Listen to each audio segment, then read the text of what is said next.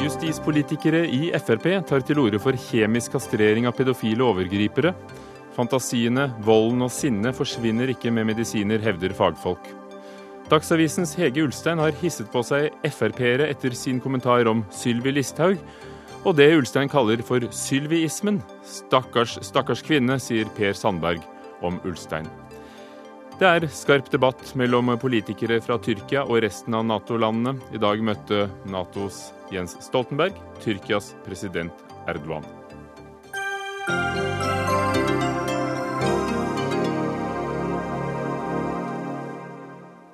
Velkommen til Dagsnytt 18 med Ugo Fermariello i studio.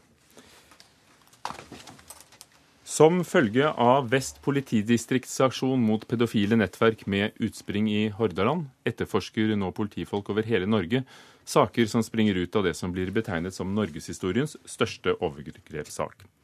Så langt er til sammen 51 menn siktet i overgrepssaken, og i beslagene har politiet funnet grove overgrep mot barn i alle aldre, også spedbarn.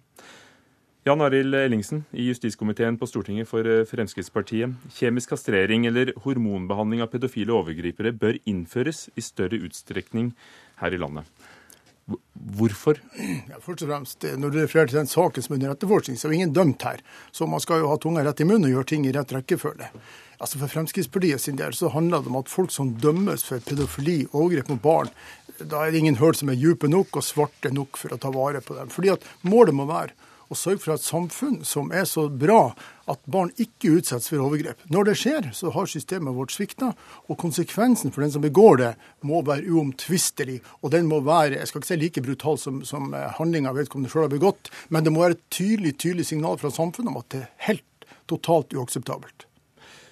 I dag er kjemisk kastrering eller hormonbehandling et, et, frivillig tilbud ved noen behandlingsinstitusjoner. Men mener du at det skal være et påbud om det?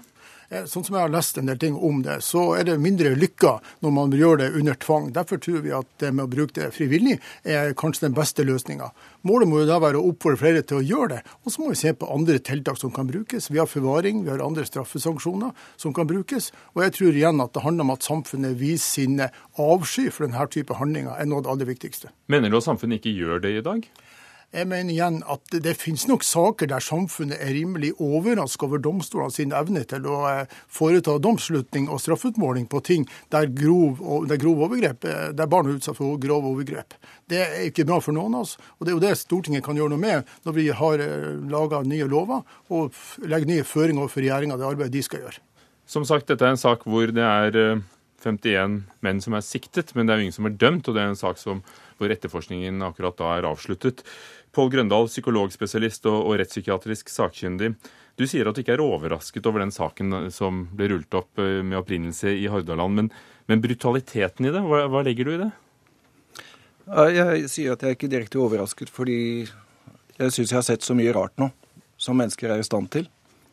Som jeg har hørt så mye rare tanker, fantasier og til dels handlinger som mennesker foregår.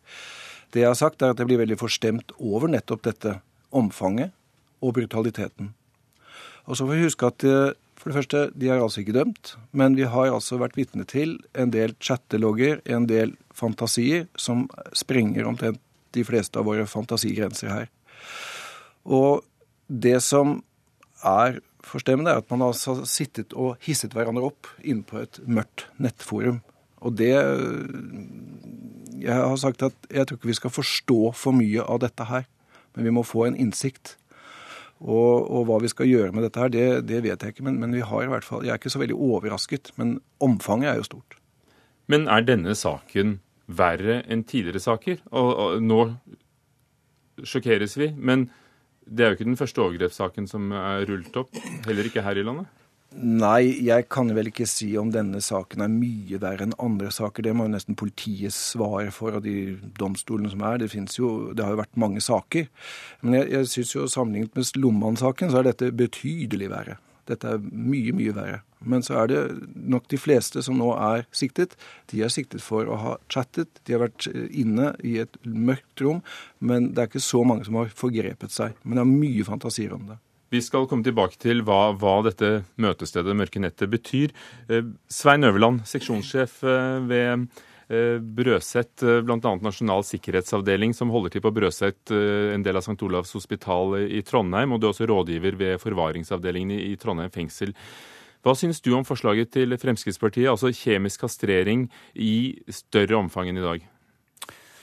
Ja, altså, Slike ting så må vi alltid bygge på forskning. da, og Forskninga her er litt sprikende. Men som du påpeker, så finnes det allerede et eh, frivillig tilbud. Men eh, det som jeg vil være forsiktig med, er jo nettopp at man skal tro at det vil løse alle ting. Fordi en sånn frivillig eh, behandling, ja, hormonbehandling det er snakk om, eh, krever jo bl.a. at man blir oppfylt for å se om man tar den medisinen. Man kan jo også skulle si, veie den opp igjen med å ta anabole steroider steroider, og man må også ha et system for uh, samtalebehandling i, i gruppe ved siden av. Så jeg, jeg tror nok vi må, må, tenke flere ting samtidig, og så må vi finne ut hva som er motivasjonen i den enkelte sak, istedenfor en sånn one size fits all.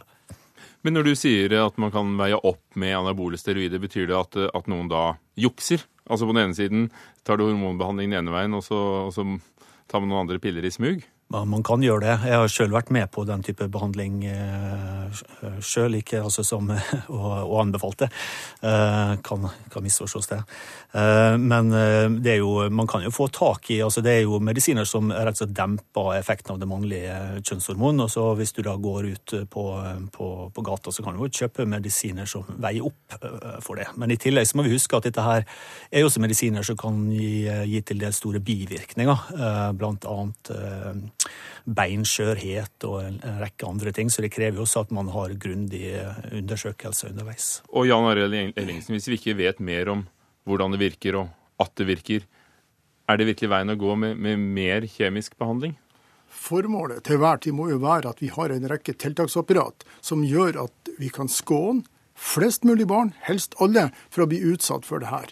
Fordi at jeg tror at et samfunn kan på en måte måles på hvordan man tar vare på de svakeste. Det være de eldste og de yngste. Men barna våre er altså det viktigste vi har. Derfor mener jeg at man må, må nødt til å diskutere alle muligheter som finnes inklusiv tvungen eh, eh, medisinering og, og, frivillig. Men igjen, det må jo være sånn at vi ikke gjør det om til et, et politisk alibi for mangel på handlekraft.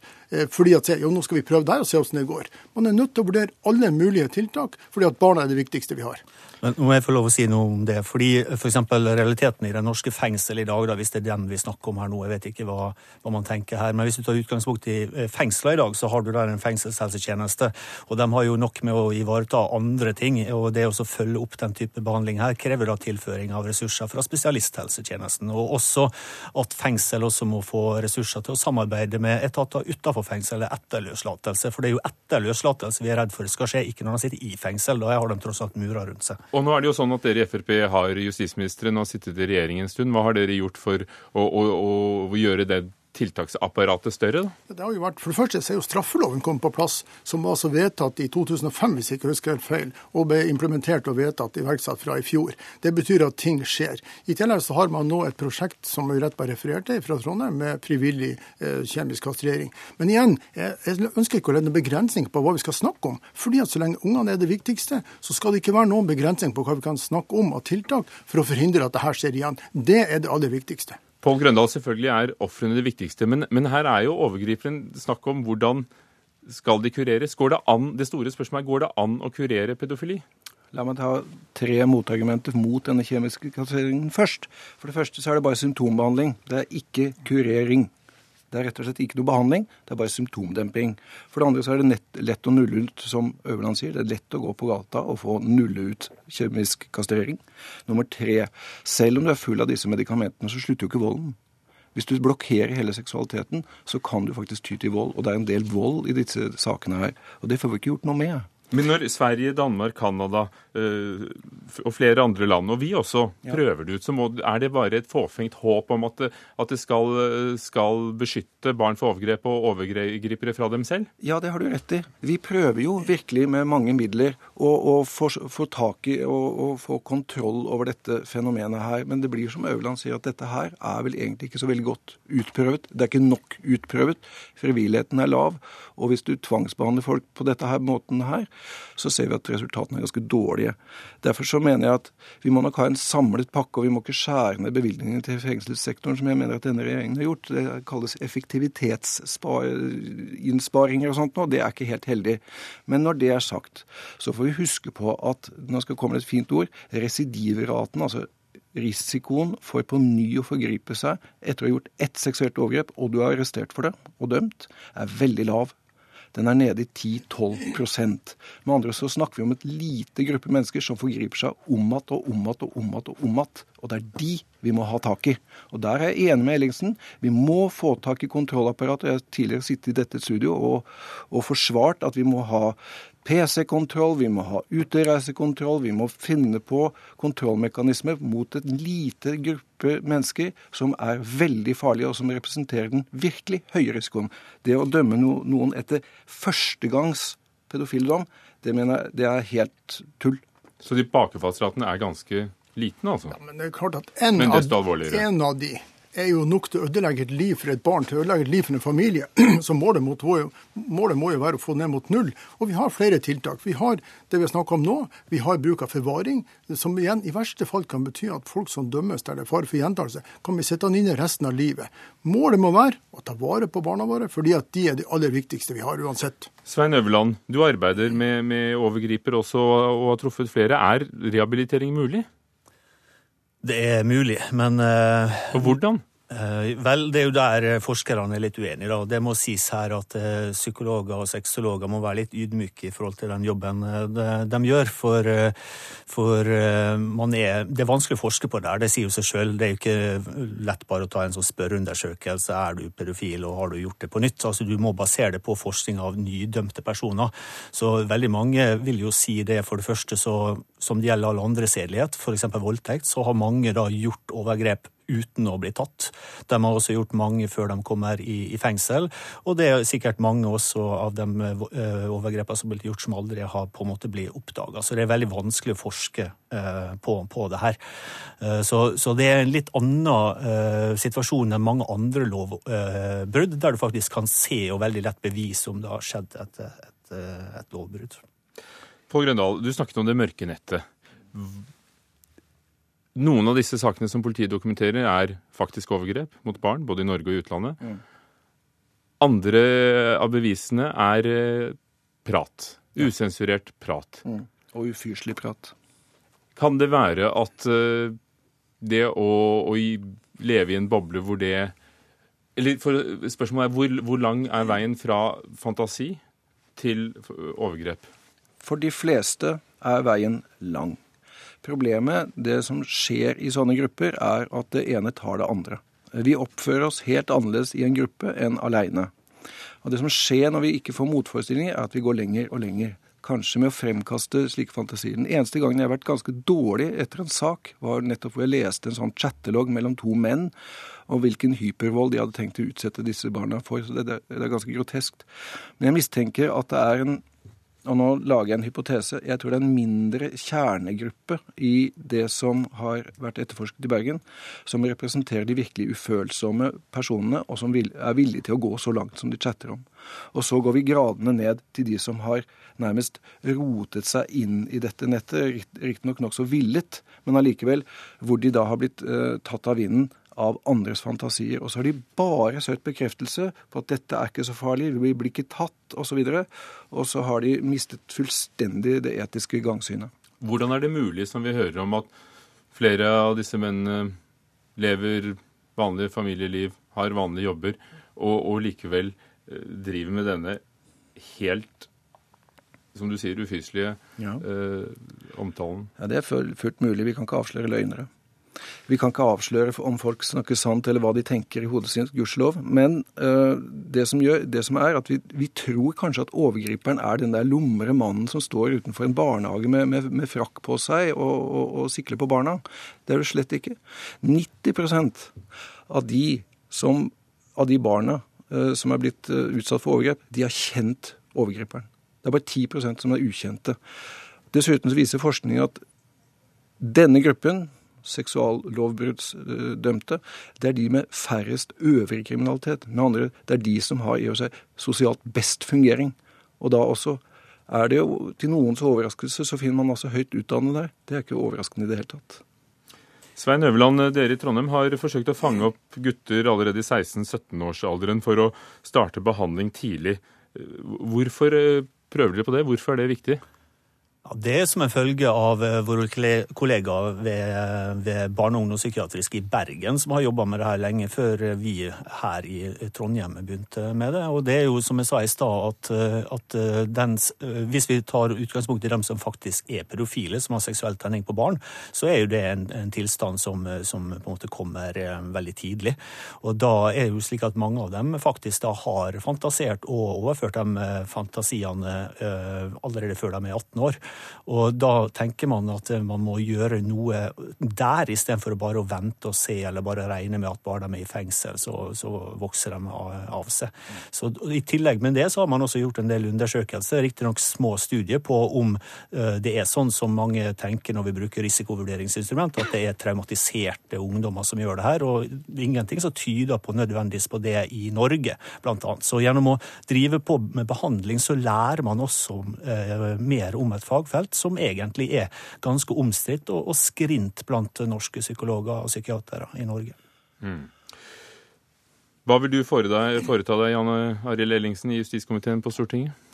Først og fremst så er jo det her den saken som starta debatten her i dag, er jo såpass alvorlig at den kommer selvfølgelig til å bli fulgt nøye med både fra der jeg opererer til daglig, og der andre opererer til daglig, vil jeg tro. Så er det jo domstolene til syvende og sist som beslutter om vedkommende om det har begått lovbrudd, om folk skal straffes for det. Og så vil det jo komme en debatt i etterkant av den, sannsynligvis i forhold til hva slags straffer som blir idømt, og om apparatet vårt er godt nok og treffer nok i forhold til å forebygge og forhindre at det skjer igjen. Og som vi begynte på allerede i dag, jeg må si stopp og takk til dere alle. Jan Arild Ellingsen fra Fremskrittspartiet, Pål Grøndal, psykologspesialist, og Svein Øverland, også psykologspesialist og seksjonssjef ved Brøset St. Olavs hospital. Dagsnytt 18 alle hverdager kl 18.00 på NRK P2 og NRK2.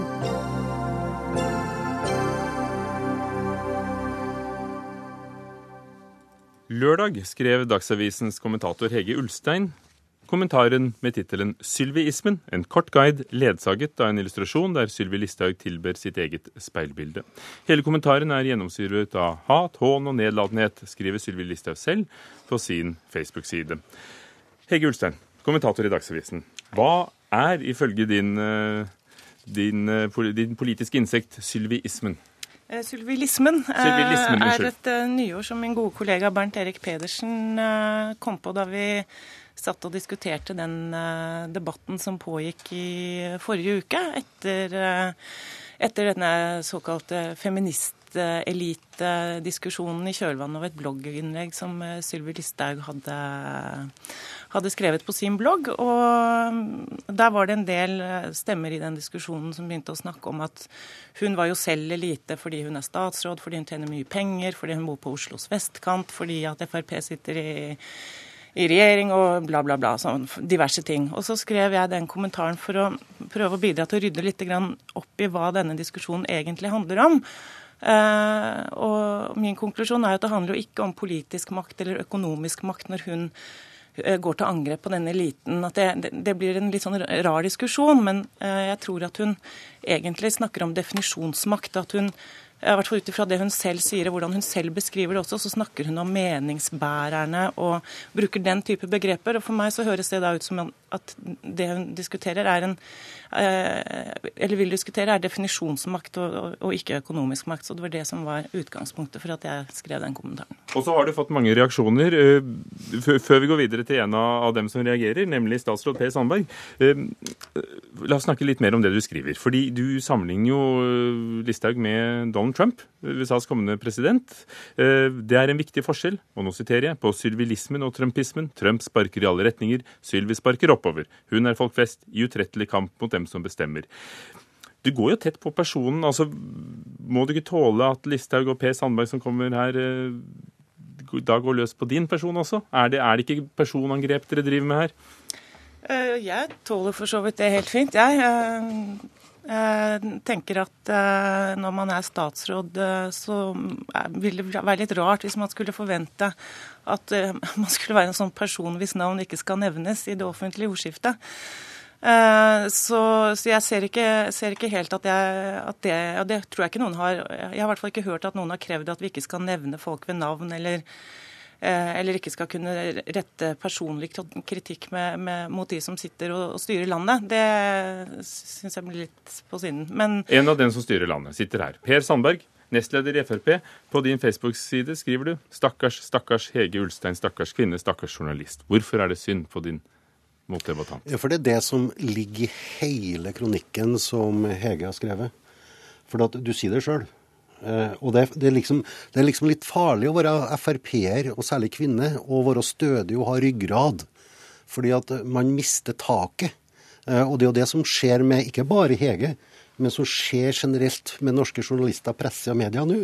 De føler at de er i ferd med å miste definisjonsmakta fordi at sosiale medier blir så stor og så tung at man når ikke fram lenger med å ha definisjonsmakten sin.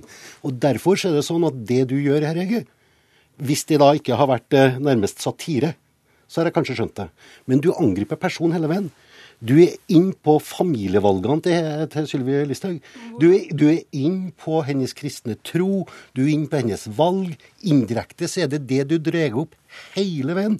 Og det er person og ikke politikken. Dessuten så gjør du også noen feil. Du beskylder indirekte Sylvi for å bygge eh, gjerde oppe i Finnmark og sammenligne med Trump og muren hans. Sylvi har ingenting med dette gjerdet å gjøre. Det ligger under justisministeren, bl.a. Men, Men, men, men, men, du leter hele tida.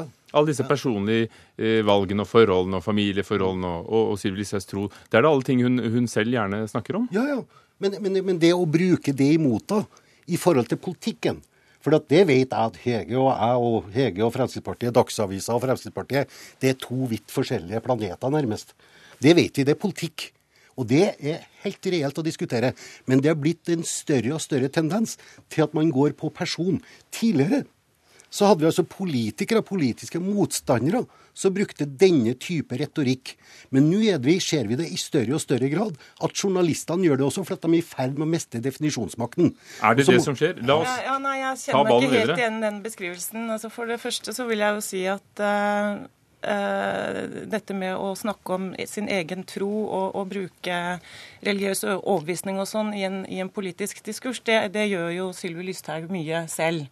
Uh, senest nå i det siste blogginnlegget jeg har lest, hvert fall på, på, bloggen hennes. og Hun er jo veldig opptatt av å formidle, formidle, det. og Hun har jo også bilder av seg selv med mannen og barna sine på, på den bloggen. Og hun er vel Eh, sånn generelt et, eh, en politiker som, som, bruker veldig mye av, av, personligheten sin og sitt eget liv i den politiske diskusjonen. Så uh, jeg, jeg, tror ikke verken jeg eller Dagsavisen er, er det mediet i Norge eller de, den parten her som som har dratt det fram. Og jeg har overhodet ikke brukt det nei, mot nei, henne altså, på noen som Men du har valgt en ganske ironisk stil. Settingen, settingen er det jo den som gjør det, ikke sant? Og så er det mulig at nei, vi har forskjellig vinkel på det.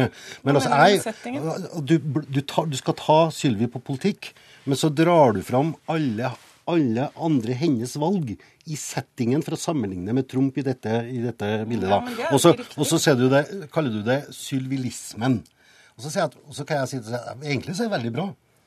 For dette her er et nytt eksempel på at vi får bare mer PR, mer debatt. Ja, jeg tenker, så du setter Frp på, Du har jo reaganomisk ja. ja, ja. thatcherisme og altså Det så, må jo være altså, Det å få en egen isme oppkalt etter en av statsrådene deres, det må jo være en fjær i hatten. Altså, også får, får dere legge forskjellige ting i det? Ja, Hege har også fått en nå, ikke sant? For det var det jeg la, la ut på Hegeismen, hva legger du i det, da? For er, Går ikke du i den samme fellen da? Nei, men her er et svar på tiltale. Og det, det, er, det, er, det er, litt interessant fordi at Hva betyr det? For det, altså Hegeismen får morgenkvalmen av sterke kvinner. Hegeismen er full av avsky mot kvinner som utmerker seg selv og tar egne valg. Det det altså, Hva mener du med at hegeismen får morgenkvalme av sterke kvinner? Det er det du gjør her.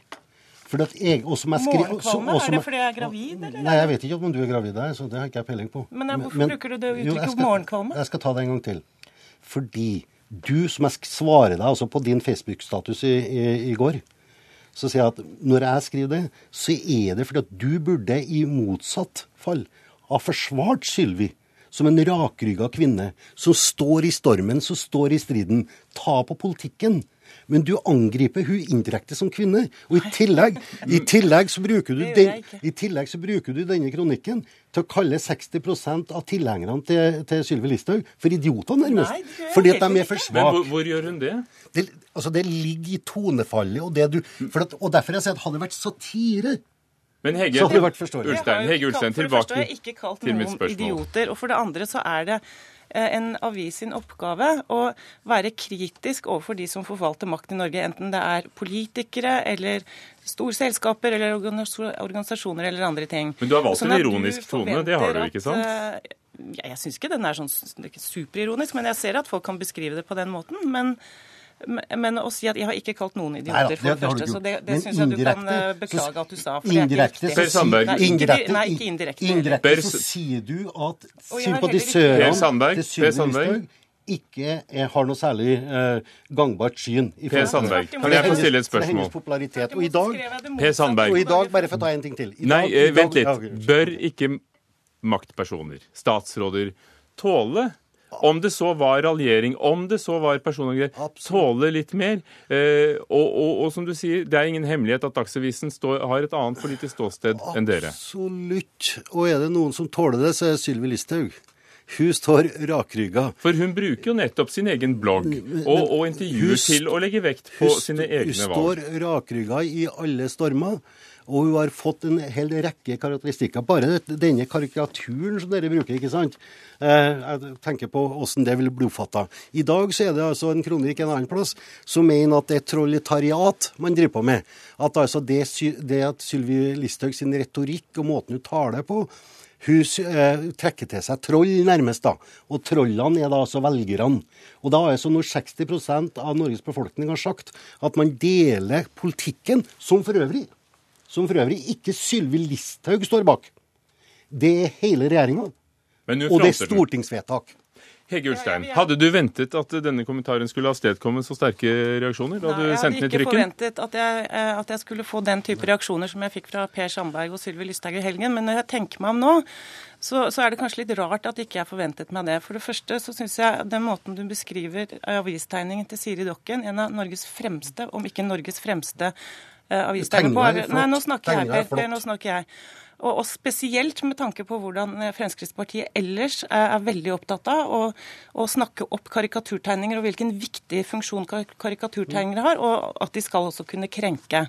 Eh, Tegninga er flott, den. og i tillegg så er det jo også sånn, og det syns jeg kanskje Frp kunne reflektere litt over, og, og spesielt du. altså Dette er jo ikke uh, første gang vi vi får eh, ganske sterke reaksjoner fra dere. Dere eh, presset SAS til å trekke tilbake magasinet sitt fordi de hadde en artikkel om Frp Feil. de ikke Feil. likte. Feil. Anders Anundsen, justisministeren, brant eh, Tønsbergs Blad, la et bilde av det på Facebook og oppfordret tilhengerne sine til å si opp abonnementet på Tønsbergs Blad. Eh, og jeg tenker som så at Når man sitter eh, helt på toppen i det norske samfunnet og, og forvalter makt på den måten, så skal man også være ydmyk for den kritikken som er vår oppgave å komme med ut Og- ifra og da den jobben og Per Sandberg, da får du sluttreplikk. Ja, da får jeg sette. For at dette er altså måten eh, journalistene opererer på nå. Det var rart at du ikke sa at vi sutra i tillegg. For det er det som vi blir møtt med nå. Når journalister, Men presse og media får tilsvar, så blir man sutrete i pressen. Absolutt Altså, dere er så Nei, Vi får så- tilsvar mange ganger hver er dag. og vi, nei, det går helt fint. Dere er så du var hårsår- opp- Dere er Ja. hårsår at man skulle tro at dere hadde tær over hele kroppen. Altså. Ikke mer enn at dere begge sitter her, så den debatten har dere jo begge to tatt. Men- men Men, du mente at det var feil at SAS trakk tilbake bladet sitt? Ja, det var feil. Det var, jeg reagerte på de som var feilene der. Du ba dem om å trekke Nei, det tilbake. gjorde Jo, det gjorde du. Det, jeg ba dem det er på TV. Ba Altså, dem å trekke tilbake Da har jeg, vi må avslutte denne debatten. Jeg har et siste spørsmål til hver av dere. Hege Ulstein, er du hårsår? Eh, Nei, jeg syns egentlig ikke det, altså. Men, Per Sandberg, eh, er dere hårsåre i Frp? Langt derifra. Det, vi, vi står i stormen og taler alt det, men når du begynner å blande person, person, person, da er det nok. Per Sandberg og kommentator i Dagsavisen Hege Ulstein. Du blir sittende litt til, for vi skal snakke budsjett. Det er nemlig sånn at eh, det, du, Per Sandberg, kommer rett fra møtet i statsministerboligen, der dere har snakket om neste års statsbudsjett. Eh, Det ser ikke ut til å være så lett å bli enige for regjeringen og støttepartiene deres, Venstre og Kristelig Folkeparti. Eh, Det er blitt kalt et krisemøte, i hvert fall av disse journalistene. Er det krise? Nei, vet du, altså, Ordet krise har jeg lest så mange ganger de siste 14 dagene at uh, jeg tror jeg har mista tallet. Det er jo ikke, tall, uh, det er jo ikke krise. Uh, det blir budsjett for 2017. Eh, og så er det veldig mye støy fram og tilbake, og det beklager jeg. For de som kjenner på det, det, det er opposisjon. Men jeg er helt sikker på at det blir et budsjett i 2017. Men spørsmålet da, er om dere får flertall for det? Og, og hvis ikke, kan dere sitte? Da vil jeg sitere mora mi, for hun sa alltid det at alt ordner seg til jul, Per, bare vent og se. Så dere kan vente helt til jul. Blir dere enige? Ja, altså, Jeg er jo evig optimist, jeg. Eh, og her er jo det er jo ikke noe nytt det der at vi driver og trekker i trådene, for alle partiene har sterke meninger og ønsker i forhold til politikk, og det er valg neste år. og Derfor er det viktig at alle også får et eierskap til det budsjettet som kommer i 2017. Og En av de sterke meningene er altså dyrere drivstoff, som er noe av det Venstre vil. Er det fremdeles helt uaktuelt for eh, Fremskrittspartiet å bli med på det? Vi, vi har lagt fram en, en, bilpakke, og der har Fremskrittspartiet gjort innrømmelser på litt høyere drivstoff. Eh, og Det syns jeg det står respekt av. Takk. Per Sandberg. Magnus Takvang, politisk kommentator. Du sitter på Stortinget. Hva, for, hva forteller det deg at eh, Fremskrittspartiet og Høyre møttes alene på kammerset? Nei, Det er um, opplagt slik at uh, de to regjeringspartiene seg imellom må bli enige om hva de kan møte de to sentrumspartiene med. Derfor så ble, blir det ikke noe forhandlingsmøte mellom de fire partiene i kveld, men i, i morgen. Etter alt å dømme. Og det er nok slik at i løpet av de neste 24 timene må man få til en uh, avtale mellom disse partiene i møtene som, som, kommer, for at man skal rekke det før denne fristen på torsdag, for å få det hele inn i innstillingen til finansdebatten. Hvilke krav har Kristelig Folkeparti fremmet? Det er jo ulike krav uh, som er uh, blitt referert på, på, deres kjerneområder. Familiepolitikk, kontantstøtte, uh, lærere, flere lærere i de første årstrinnene osv.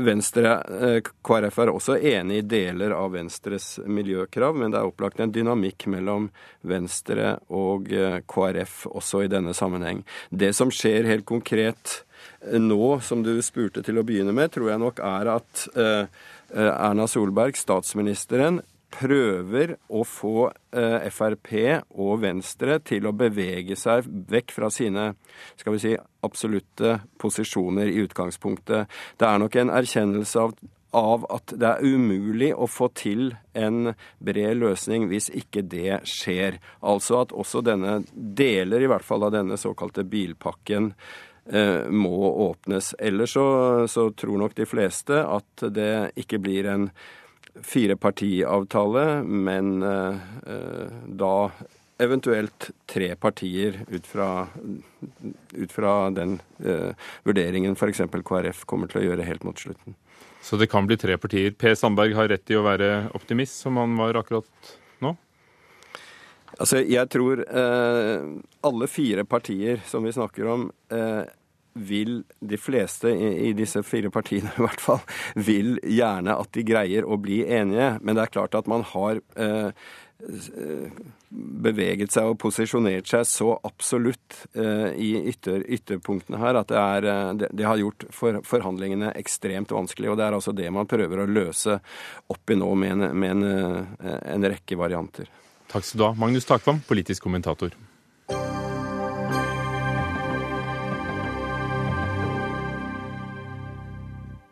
Det er et spent forhold mellom Tyrkia og de andre Nato-landene. Det kom eh, ganske tydelig frem da parlamentarikere fra medlemslandene møttes i Istanbul i går og i løpet av dagen i dag. Og det var til dels eh, skarpe ordvekslinger mellom tyrkiske politikere og resten av forsamlingen. Sissel Wold, vår korrespondent i Tyrkia, du var til stede på møtet i Istanbul i dag. Hvordan vil du eh, beskrive stemningen mellom Tyrkia og de andre Nato-landene? Ja, det er jo mange vesteuropeiske Nato-medlemmer som reagerer veldig kraftig på hvordan tyrkiske myndigheter behandler opposisjonen og journalister her. Eh, de syns, at, eh, syns nok at Jens Stoltenberg kanskje burde være litt skarpere. Men eh, Jens Stoltenberg var ganske rund eller diplomatisk i sine formuleringer fra talerstolen, fordi at han var på vei til et møte med Erdogan rett etter dagens møte i parlamentarikerforsamlingen. Erdogan holdt en timesinnlegg eh, han på parlamentarikermøtet. Hva var budskapet? Jo, han sier jo det at uh, Tyrkia er på en måte porten, grensen mellom Midtøsten og Europa. Og hvis ikke Europa og Nato-landene samarbeider om uh, denne porten, og holder porten stengt eller åpen, alt etter som man vil, så kan uh, terrorister fosse innover Europas grenser. Og terror vil bli et mye større problem. Han mener at dette kan bli en brann som sprer seg. Han snakket også om islamofobi, at dette er et problem. Han mener også at eh, land som eh, Frankrike og Belgia ikke har tatt kampen mot terror på alvor. Derfor ble de rammet i år og i fjor. Og han eh, var veldig opptatt av at Nato må bekjempe terror. Men hvem som er terrorister for Tyrkia og for Nato, det er det ikke det helt det samme svaret på. Tyrkia mener f.eks. at de syriske kurderne er terrorister, mens Nato-landet USA samarbeider jo med disse syriske kurderne mot eh, IS. Så det er uenighet om begrepsforklaringene her. Og når Erdogan snakker til, eh, til Nato-medlemmene, er det også et budskap til EU eh, e der? ja, eh, det går jo mot en avslutning av eh, forhandlingene med EU og Tyrkia. Det er mye som tyder på at det kan bli en folkeavstemning til neste år. Eh, tyrkere, og særlig regjeringen her, er grundig lei av å banke på EUs dør. De er veldig lei av kritikken EU har kommet med etter kuppforsøket. Men om det er like mye kritiske eh, røster mot Nato, eh, det virker ikke sånn. Men det har vært snakket om det i korridorene. Og i går så sa jo Erdogan at eh, jo, han kunne tenke seg å samarbeide med noe som heter Shanghai, Shanghai, Shanghai Five. Altså Kina, Russland og sentralasiatiske land om sikkerhet. Men han gjentok ikke dette i talen i dag, så det var kanskje et et signal. Eh, kanskje var det bare intern politikk i går.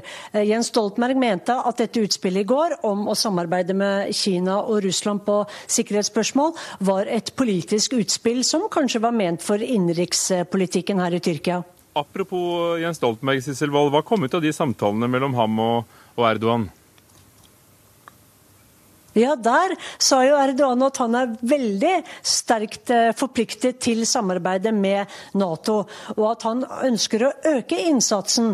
Så om det var noen tvil om Jens Stoltenberg ble litt eh, ja, betenkt når han så uttalelsene til eh, Erdogan om sikkerhetssamarbeid med Kina og Russland i går, så ble han forsikret på dagens møte, som var mye lenger enn det var planlagt. Møtet mellom Erdogan og Stoltenberg, altså sånn at eh, Stoltenberg sa iallfall til oss at han var eh, trygt forsikret om at Tyrkia fremdeles og i fremtiden er et, eh, et veldig hva det, heter dedicated member. En veldig Absolutt et seriøst Nato-medlem. President Erdogan var veldig tydelig på at eh, han ønsket eh, fortsatt sterk eh, tyrkisk deltakelse i Nato, og følte seg fullt ut forpliktet av Nato-medlemskapet. Tyrkia bidrar mye til viktige Nato-operasjoner i Afghanistan og Kosovo. Tyrkia ønsker også å trappe opp sitt bidrag til Natos ulike operasjoner og nærvær i Europa. Og han ba om mer Nato-nærvær i Tyrkia. Så det er ingen tvil om at eh, president Erdogan er fortsatt eh, veldig forpliktet av eh, Nato-samarbeidet. Når det gjelder den tyrkiske hæren, så var det jo en del der som var med på kuppforsøket. Og de har jo sagt opp 20 000 mennesker, og det er flere som søker asyl i Europa. Hva er ditt inntrykk av tilstanden i den tyrkiske hæren nå? Tyrkia har eh, en av Natos eh, sterkeste væpnede styrker, og det har de eh, fortsatt. Samtidig har de selvfølgelig merket konsekvensene av forsøket på militærkupp. De militære sto bak kuppet. Det var mange som deltok. De bombet parlamentet, de bombet presidentpalasset. Og det er klart det har konsekvenser, den prosessen som nå foregår innad i de væpnede styrkene etter militærkuppet. Eh, men Tyrkia er eh, absolutt fortsatt i stand til å eh, leve opp til sine forpliktelser i Nato. Bidra til ulike Nato-operasjoner i Afghanistan, Kosovo og andre steder. Og Natos øverstkommanderende har forsikret meg gang på gang om at Natos styrker her, våre kapasiteter her, er trygge og i god forfatning. Sa altså Natos generalsekretær Jens Stoltenberg til vår korrespondent i Tyrkia, Sissel Wold. De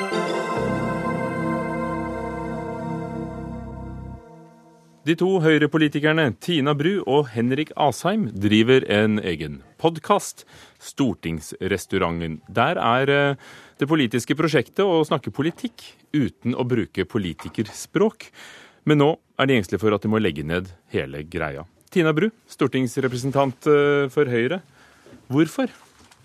Det virker da så morsomt, og dere har ganske mange som lytter? Ja, vi har det veldig veldig gøy. Eh, dette er jo et prosjekt vi startet med for nå snart et år siden. og grunnen, altså Podkasten heter jo Stortingsrestauranten.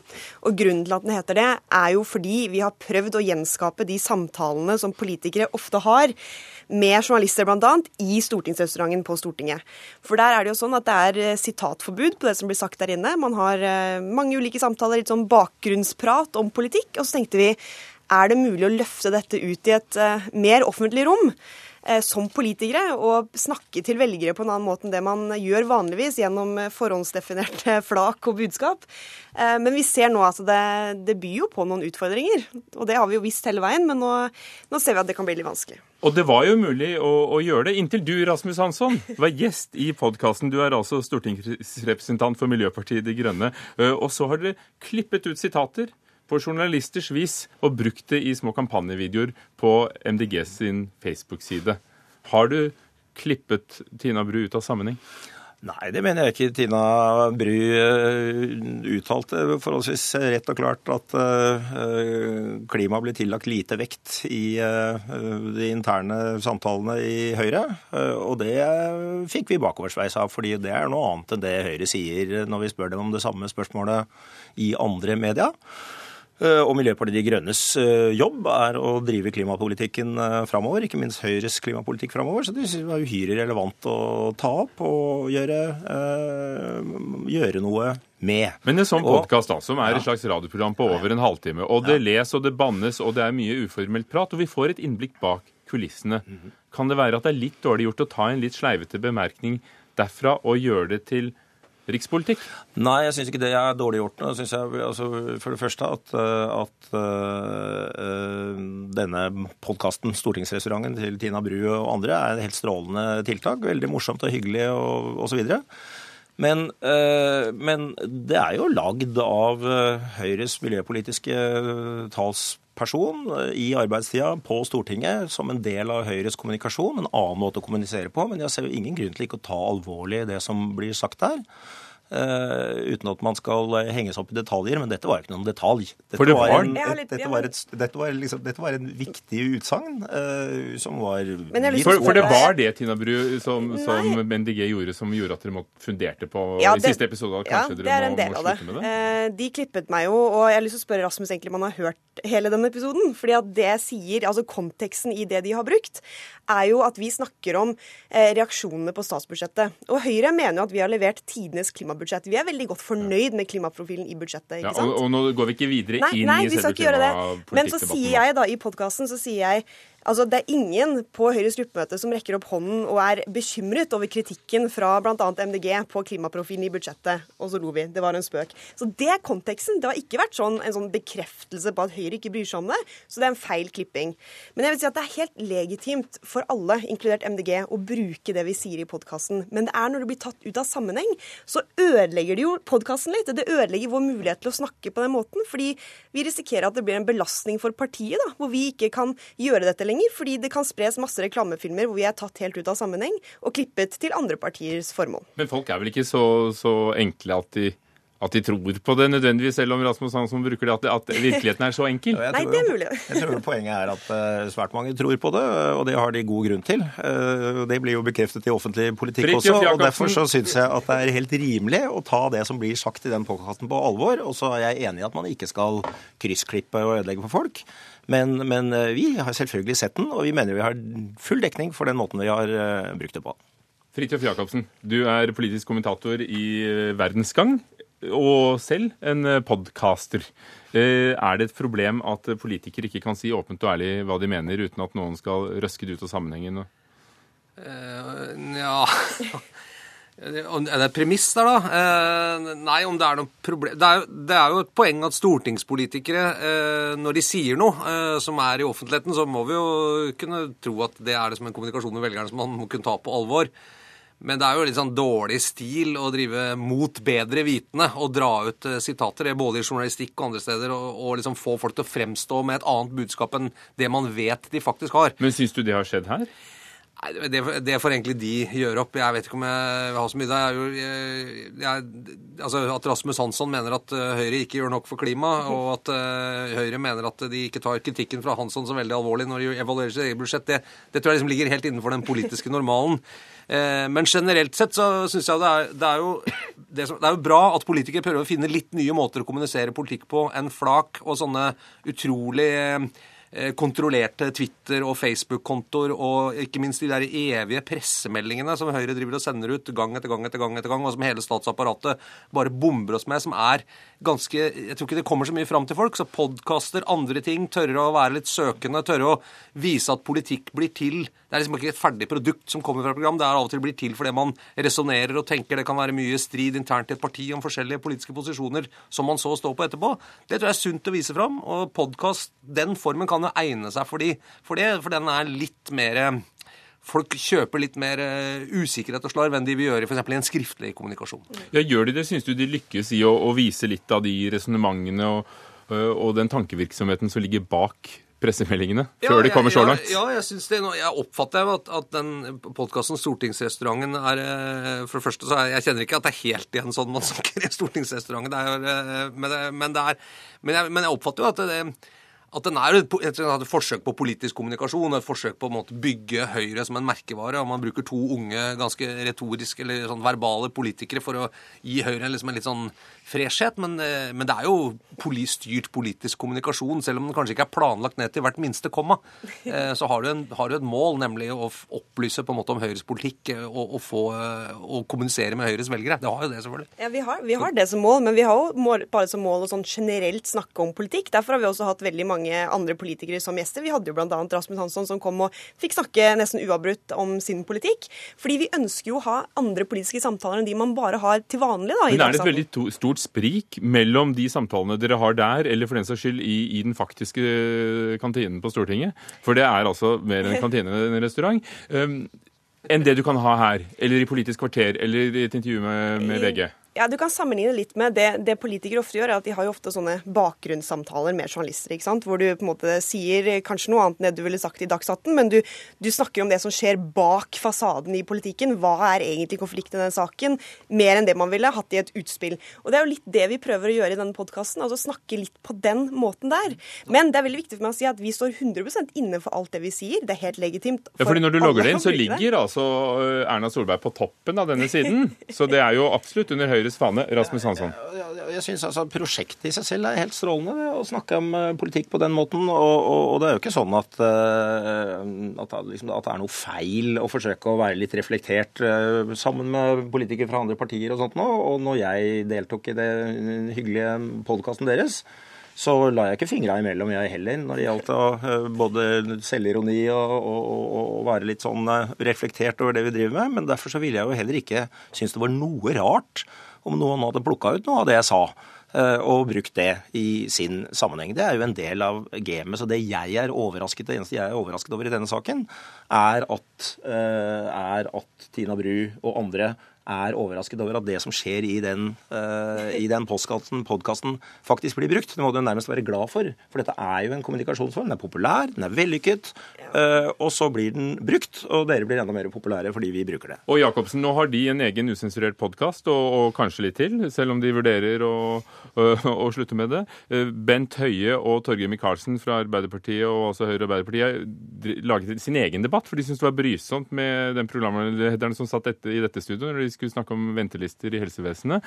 Mm. Hva sier det om din stand politiske kommentatorer og redaktører at eh, de heller vil gjøre det selv? Nei, Det var så dårlig gjort å spørre om eh, hva du sier om min stand. Eh, vi som fortsatt sliter med den der Trump eh, bak russen. Eh, men nei, altså Før så eh, kontrollerte jo mediene, NRK, eh, VG og andre, kontrollerte på en måte tilgangen til offentligheten. Så hvis politikere hadde et budskap til en stor offentlighet, så ble den formidlet gjennom på en måte redaksjonelle kanaler. Eh, og det betydde at man kunne konfronteres med noen spørsmål og, og sånn. Eh, det var ikke alltid man ble, ble gjort det, men, men, man kunne gjøre det, eller gjennom leserinnlegg og sånne ting. Nå er det klart at en del av de produktene vi leverer som redaksjoner ut til folk, eh, de kanalene kan like gjerne brukes av politikere helt uten at det fins en redaksjon inne. Ennå, altså Hadia Tajik la ut en, en reaksjon på at hun ble ja, kalt et eller annet stygt, og la det rett ut på sin Facebook-side. Ble antageligvis lest av flere enn det hun ville nådd gjennom VG, som er den største digitale nyhetsformidleren i Norge. Dere kan lage en podkast, trenger ikke å komme i andres radiostudioer. Det kan lages debatter på Facebook Live som minner om kanskje dette programmet, slik det sendes på Facebook Live. Altså, det er ganske mye som kan se ut som journalistikk, og man kan bruke journalistiske på en måte, grep og journalistisk innpakning, men som er politisk kommunikasjon. Det, det er jo da en ny virkelighet for publikum å forholde seg til. Hva, Hva, er journalistikk, og hva, hva er på en måte kommunikasjon? Da? Hva skjer med politiker? Det vet jeg ikke. Nå har jo da Rasmus Hansson Fortsatt ønsker jo de å være partiet som avviklet oljealderen i Norge. Nå ser det ut som de kanskje i hvert fall kan være å avvikle, avvikle den politiske podkastalderen i Norge. Så det blir noe igjen etter det. har, jeg har så stor respekt for både podkastfenomenet og Høyre at jeg tror de tåler den trøkken. Og jeg håper da virkelig ikke at dere pakker sammen bare fordi at eh, noen mener noe annet enn dere om hvordan de skal det? bruke Nå den som dere har fått så stor oppmerksomhet her, og kanskje vervet noen lyttere til Stortingsrestauranten, Vi har, fått veldig mange tilbakemeldinger, for vi spurte folk om hva de, hva de syns. eh, Og veldig mange sier de setter pris på politikere som kan snakke litt mer åpent og ha en litt annen tone. Så vi kommer til å fortsette med det. Men jeg håper også at vi politikere sammen da kan lære oss å heller omfavne de nye plattformene, istedenfor å kanskje spenne bein på de før de Og det betyr ikke at dere må bli runde der også, og ikke love for mye og sånt? Nei, for å si det sånn, Vi gidder ikke ha den podkasten hvis den blir like kjedelig som det Arbeiderpartiet sin podkast er, som er litt mer sånn pressemelding. Nå er ikke Arbeiderpartiet her til å forsvare seg. Vi er blitt veldig inspirert av Tina. Brus podkast, og hvis vi lager en, så skal du bli invitert til vår. Rasmus Hansen fra, fra, fra MDG, Tina Bru fra Høyre og Fridtjof Jacobsen fra VG. Hør Dagsnytt 18 når du vil. Radio NRK Radio.nrk.no.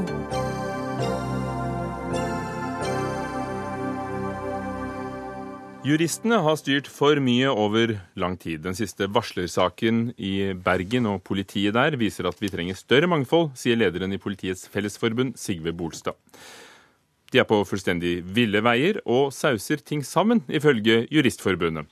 La oss begynne med deg, Sigve Bolstad, leder i Politiets Fellesforbund. Du befinner deg i Trondheim hvor, Trondheim, hvor Politiets Fellesforbund har landsmøte. Og du sier altså at norsk politi har for mange med juridisk bakgrunn på toppen, og at det er uklokt. Hva mener du med det? La meg bare presisere først at vi har ingenting imot jurister og personer som er, har tatt en juridikum, bare så ikke det er noen tvil rundt det. Dette er et kjent budskap og vedtak som vi har i landsmøtet i Politiets Fellesforbund fra lang tid til, tilbake. I tillegg så registrerer vi jo at flere, bl.a. politimesteren i, i politidistrikt vest, Songstad, også har tatt til orde for det forholdsvis nylig. Det vi ser, det er at uh, i forhold til utdanninga, i forhold til å drive med, med etterforskning og etterforskningsleder, så er juridikum er ikke en lederutdanning. Uh, her er det bl.a. politiutdanna personell, kvinner og menn, uh, som har en bedre utdanning knytta til det som går på etterforsking. Det vi ser, det er at i større grad så er det personer med juridisk bakgrunn som danner toppledelsen i, i, i norsk politi. Og Det mener vi er med på å uthule eh, viktigheten av å få et mangfold i ledelsen i norsk politi. Nå har man gått fra 54 til 27, og fra 27 til 12 politidistrikt. så Det betyr at distriktene blir vesentlig større. og Da mener vi, slik som bl.a. Politidirektoratet har vært veldig tydelig på, at det er behov for et mangfold for å få et uh, politi. Men, men hvor, hvor, jeg viste til varslersaken i Bergen, unnskyld Sigurd Bolstad, men jeg nevnte varslersaken i Bergen, og, og, og du har brukt det som eksempel på at vi trenger større mangfold. Eh, Det dreier seg da om VGs avsløring om at eh, politiet skal ha da bevisst unnlatt å, å gripe inn i, i narkotikaforbrytelser som de har eh, hatt under spaning. Men hvorfor er det en sak som, som eh, gir deg vann på mølla? Jeg går, jeg går ikke spesifikt på én sak, men det er en trend som vi har sett over tid. Og Det er derfor vi i Politiets Fellesforbund er så veldig tydelige på at det er behov for et større mangfold i toppledelsen i norsk politi, både sentralt og lokalt ute i politidistriktene og i, eh, og i særorganene. Det vi frykter, det er at det er, det er grunn til å frykte at der det er et mangel på mangfold i, i ledelsen i forhold til, eh, til, i forhold til kunnskap og, og kompetanse og, og utdanning, og kjønn også for den saks skyld, så risikerer man å få noen avgjørelser som blir mangelfulle. Det er det jeg har vært veldig tydelig på. Kurt Alier, president i Juristforbundet, tidligere seksjonssjef ved Oslo politidistrikt. Det er mange av dere med, med jusbakgrunn i politiet, og ifølge Politiets Fellesforbund for mange. De går utover mangfoldet. Hva sier du til den kritikken? Ja, Først vil jeg si at uh, dette innlegget til, uh, til, Bolstad fra PF illustrerer jo veldig godt hva som er problemet. Og det er at det uh, blandes sammen minst tre forskjellige forhold som man kritiserer samtidig, i en eneste saus, som gjør at det er vanskelig å skille fra hverandre. Eh, for det første har du kritikken som sier at det er for mange jurister på toppen i norsk politi, og det kan man absolutt diskutere, men iallfall så sier man samtidig i disse artiklene sine at eh, det mangler politifaglig kompetanse. Og man sier at, eh, at man må være jurist, faktisk, står det i disse artiklene og denne, denne rapporten de henviser til, for å være politimester, f.eks. Og det er jo feil, begge deler. For det første er det litt sånn historisk betinget at det er mange jurister. Det var tidligere et krav om at man måtte være jurist for å bli f.eks. politimester. Det har det ikke vært på 15 år. Eh, nå er det slik at du i alle større politidistrikt, og nå med den nye politimodellen, så vil det bare være større politidistrikt, så er det masse mennesker med politifaglig kompetanse. Og mange av juristene er, har også bakgrunn som politifolk tidligere, så de har begge, deler, eh, begge kompetansene. Og så er jeg enig med Sigve Bolstad at vi trenger et større mangfold. Og Det større mangfoldet får vi når vi starter å rekruttere inn andre typer kompetanse, ikke bare politifaglig og juss. Men det må man gjøre på et lavere nivå, for man trenger etatserfaring fra ledige i norsk politi. Og Det betyr at man må rekruttere inn på lavere ledernivåer, slik at man etter hvert får et større mangfold. altså man får Eh, folk med forskjellige typer bakgrunn som rekrutteres til lederstillingene. Men før vi går videre, det er jo bare én side av spørsmålene. Og det som gjør dette vanskelig, er at dette er også en kritikk av det såkalt tosporede system og fremskutt integrert påtale. Og det er noe helt annet, For jeg komme tilbake til. Det har veldig lite med dette å gjøre. Jeg vet ikke om vi kan gå i detaljene på det, men Sigve Bolstad, handler dette om at vi i Norge har påtalemyndigheten i politiet? Eh, det er vel bare Norge og Danmark som har det. At dette burde vært skilt, og så kunne dere gjort etterforsknings- og politiarbeidet, og så kunne juristene sittet et annet sted. Er det, er det det du ønsker deg? Først og fremst vil jeg si at Kurt Alier treffer blink i forhold til det som er hovedanliggende til Politiets Fellesforbund. Og det er det som går på mangfold i ledelsen i, i, norsk politi. For I så måte så er jeg allerede godt fornøyd med den eh, debatten her. I forhold til spørsmålet ditt, så det man ser, det er at at det er den samme myndigheten som har den juridiske ledelsen av etterforskninga, som også skal kontrollere og vurdere den samme etterforskninga. Det har vi satt et spørsmålstegn med. Det er vel noe av det som Lier påpeker at vi sauser sammen. Men hovedanliggendet vårt, som sagt, det er det som går på mangfold av kompetanse i ledelsen av norsk politi. Og så er jeg enig med Lier i det som går på at det handler ikke nødvendigvis kun om politifaglig bakgrunn og juridisk eh, bakgrunn. Det finnes en del annen type bl.a. sivil utdanning. Sigve eh, Bolstad, før du går videre, hva mener du er konsekvensene av det du kaller mangel på mangfold? Konsekvensene er at du ikke får altså du får ikke et mangfold i forhold til vurderinger. Det blir for snevert. Det blir som en tunnel. Et, man risikerer et tunnelsyn. Hadde man hatt et mangfold, så hadde man kunnet foretatt mer videre uh, vurderinger. Etterforsker dere feil saker, er det det? Det, det handler om prioritering. Det har vært mye diskusjon om rett og feil prioritering. Og prioritering mellom ulike typer saker, ikke minst ifra, ifra, ifra vest, der man også har fått uh, en, en, god del varslere. Kurt Alier, Da får Kurt Alier en uh, siste sluttreplikk her. Ja, jeg skulle ønske vi hadde tid til å diskutere det tosporede systemet i den sammenheng. fordi at det er ikke noe tvil om at hvis man ser på den internasjonale utviklingen, så går den i retning av tettere samarbeid mellom politi og påtale, og ikke den motsatte veien. Det er helt klart. og Det skulle jeg gjerne fortalt om. men nå for jeg går i rette med det han sier om at dette skulle være forklaringen i forhold til feil som begås. Det er det ikke noe grunnlag for å si i det hele tatt. Det er ikke dokumentert på noen måte at årsaken til at det begås feil i norsk politi, er at det er for mange jurister eller for få polititjenestemenn der. Jeg er enig i at vi trenger et mangfold i norsk politi, men å bruke jurister i politiet som forklaringsmodell på alt som er feil, det blir galt. Og der er det så ille at vi får ikke hørt svaret. Vi sier takk til dere. Kurt A. Lier og Sigve Bolstad. Ida Tune Øresland var ansvarlig for Dagsnytt 18. Eli Kyrkjebø teknisk ansvarlig.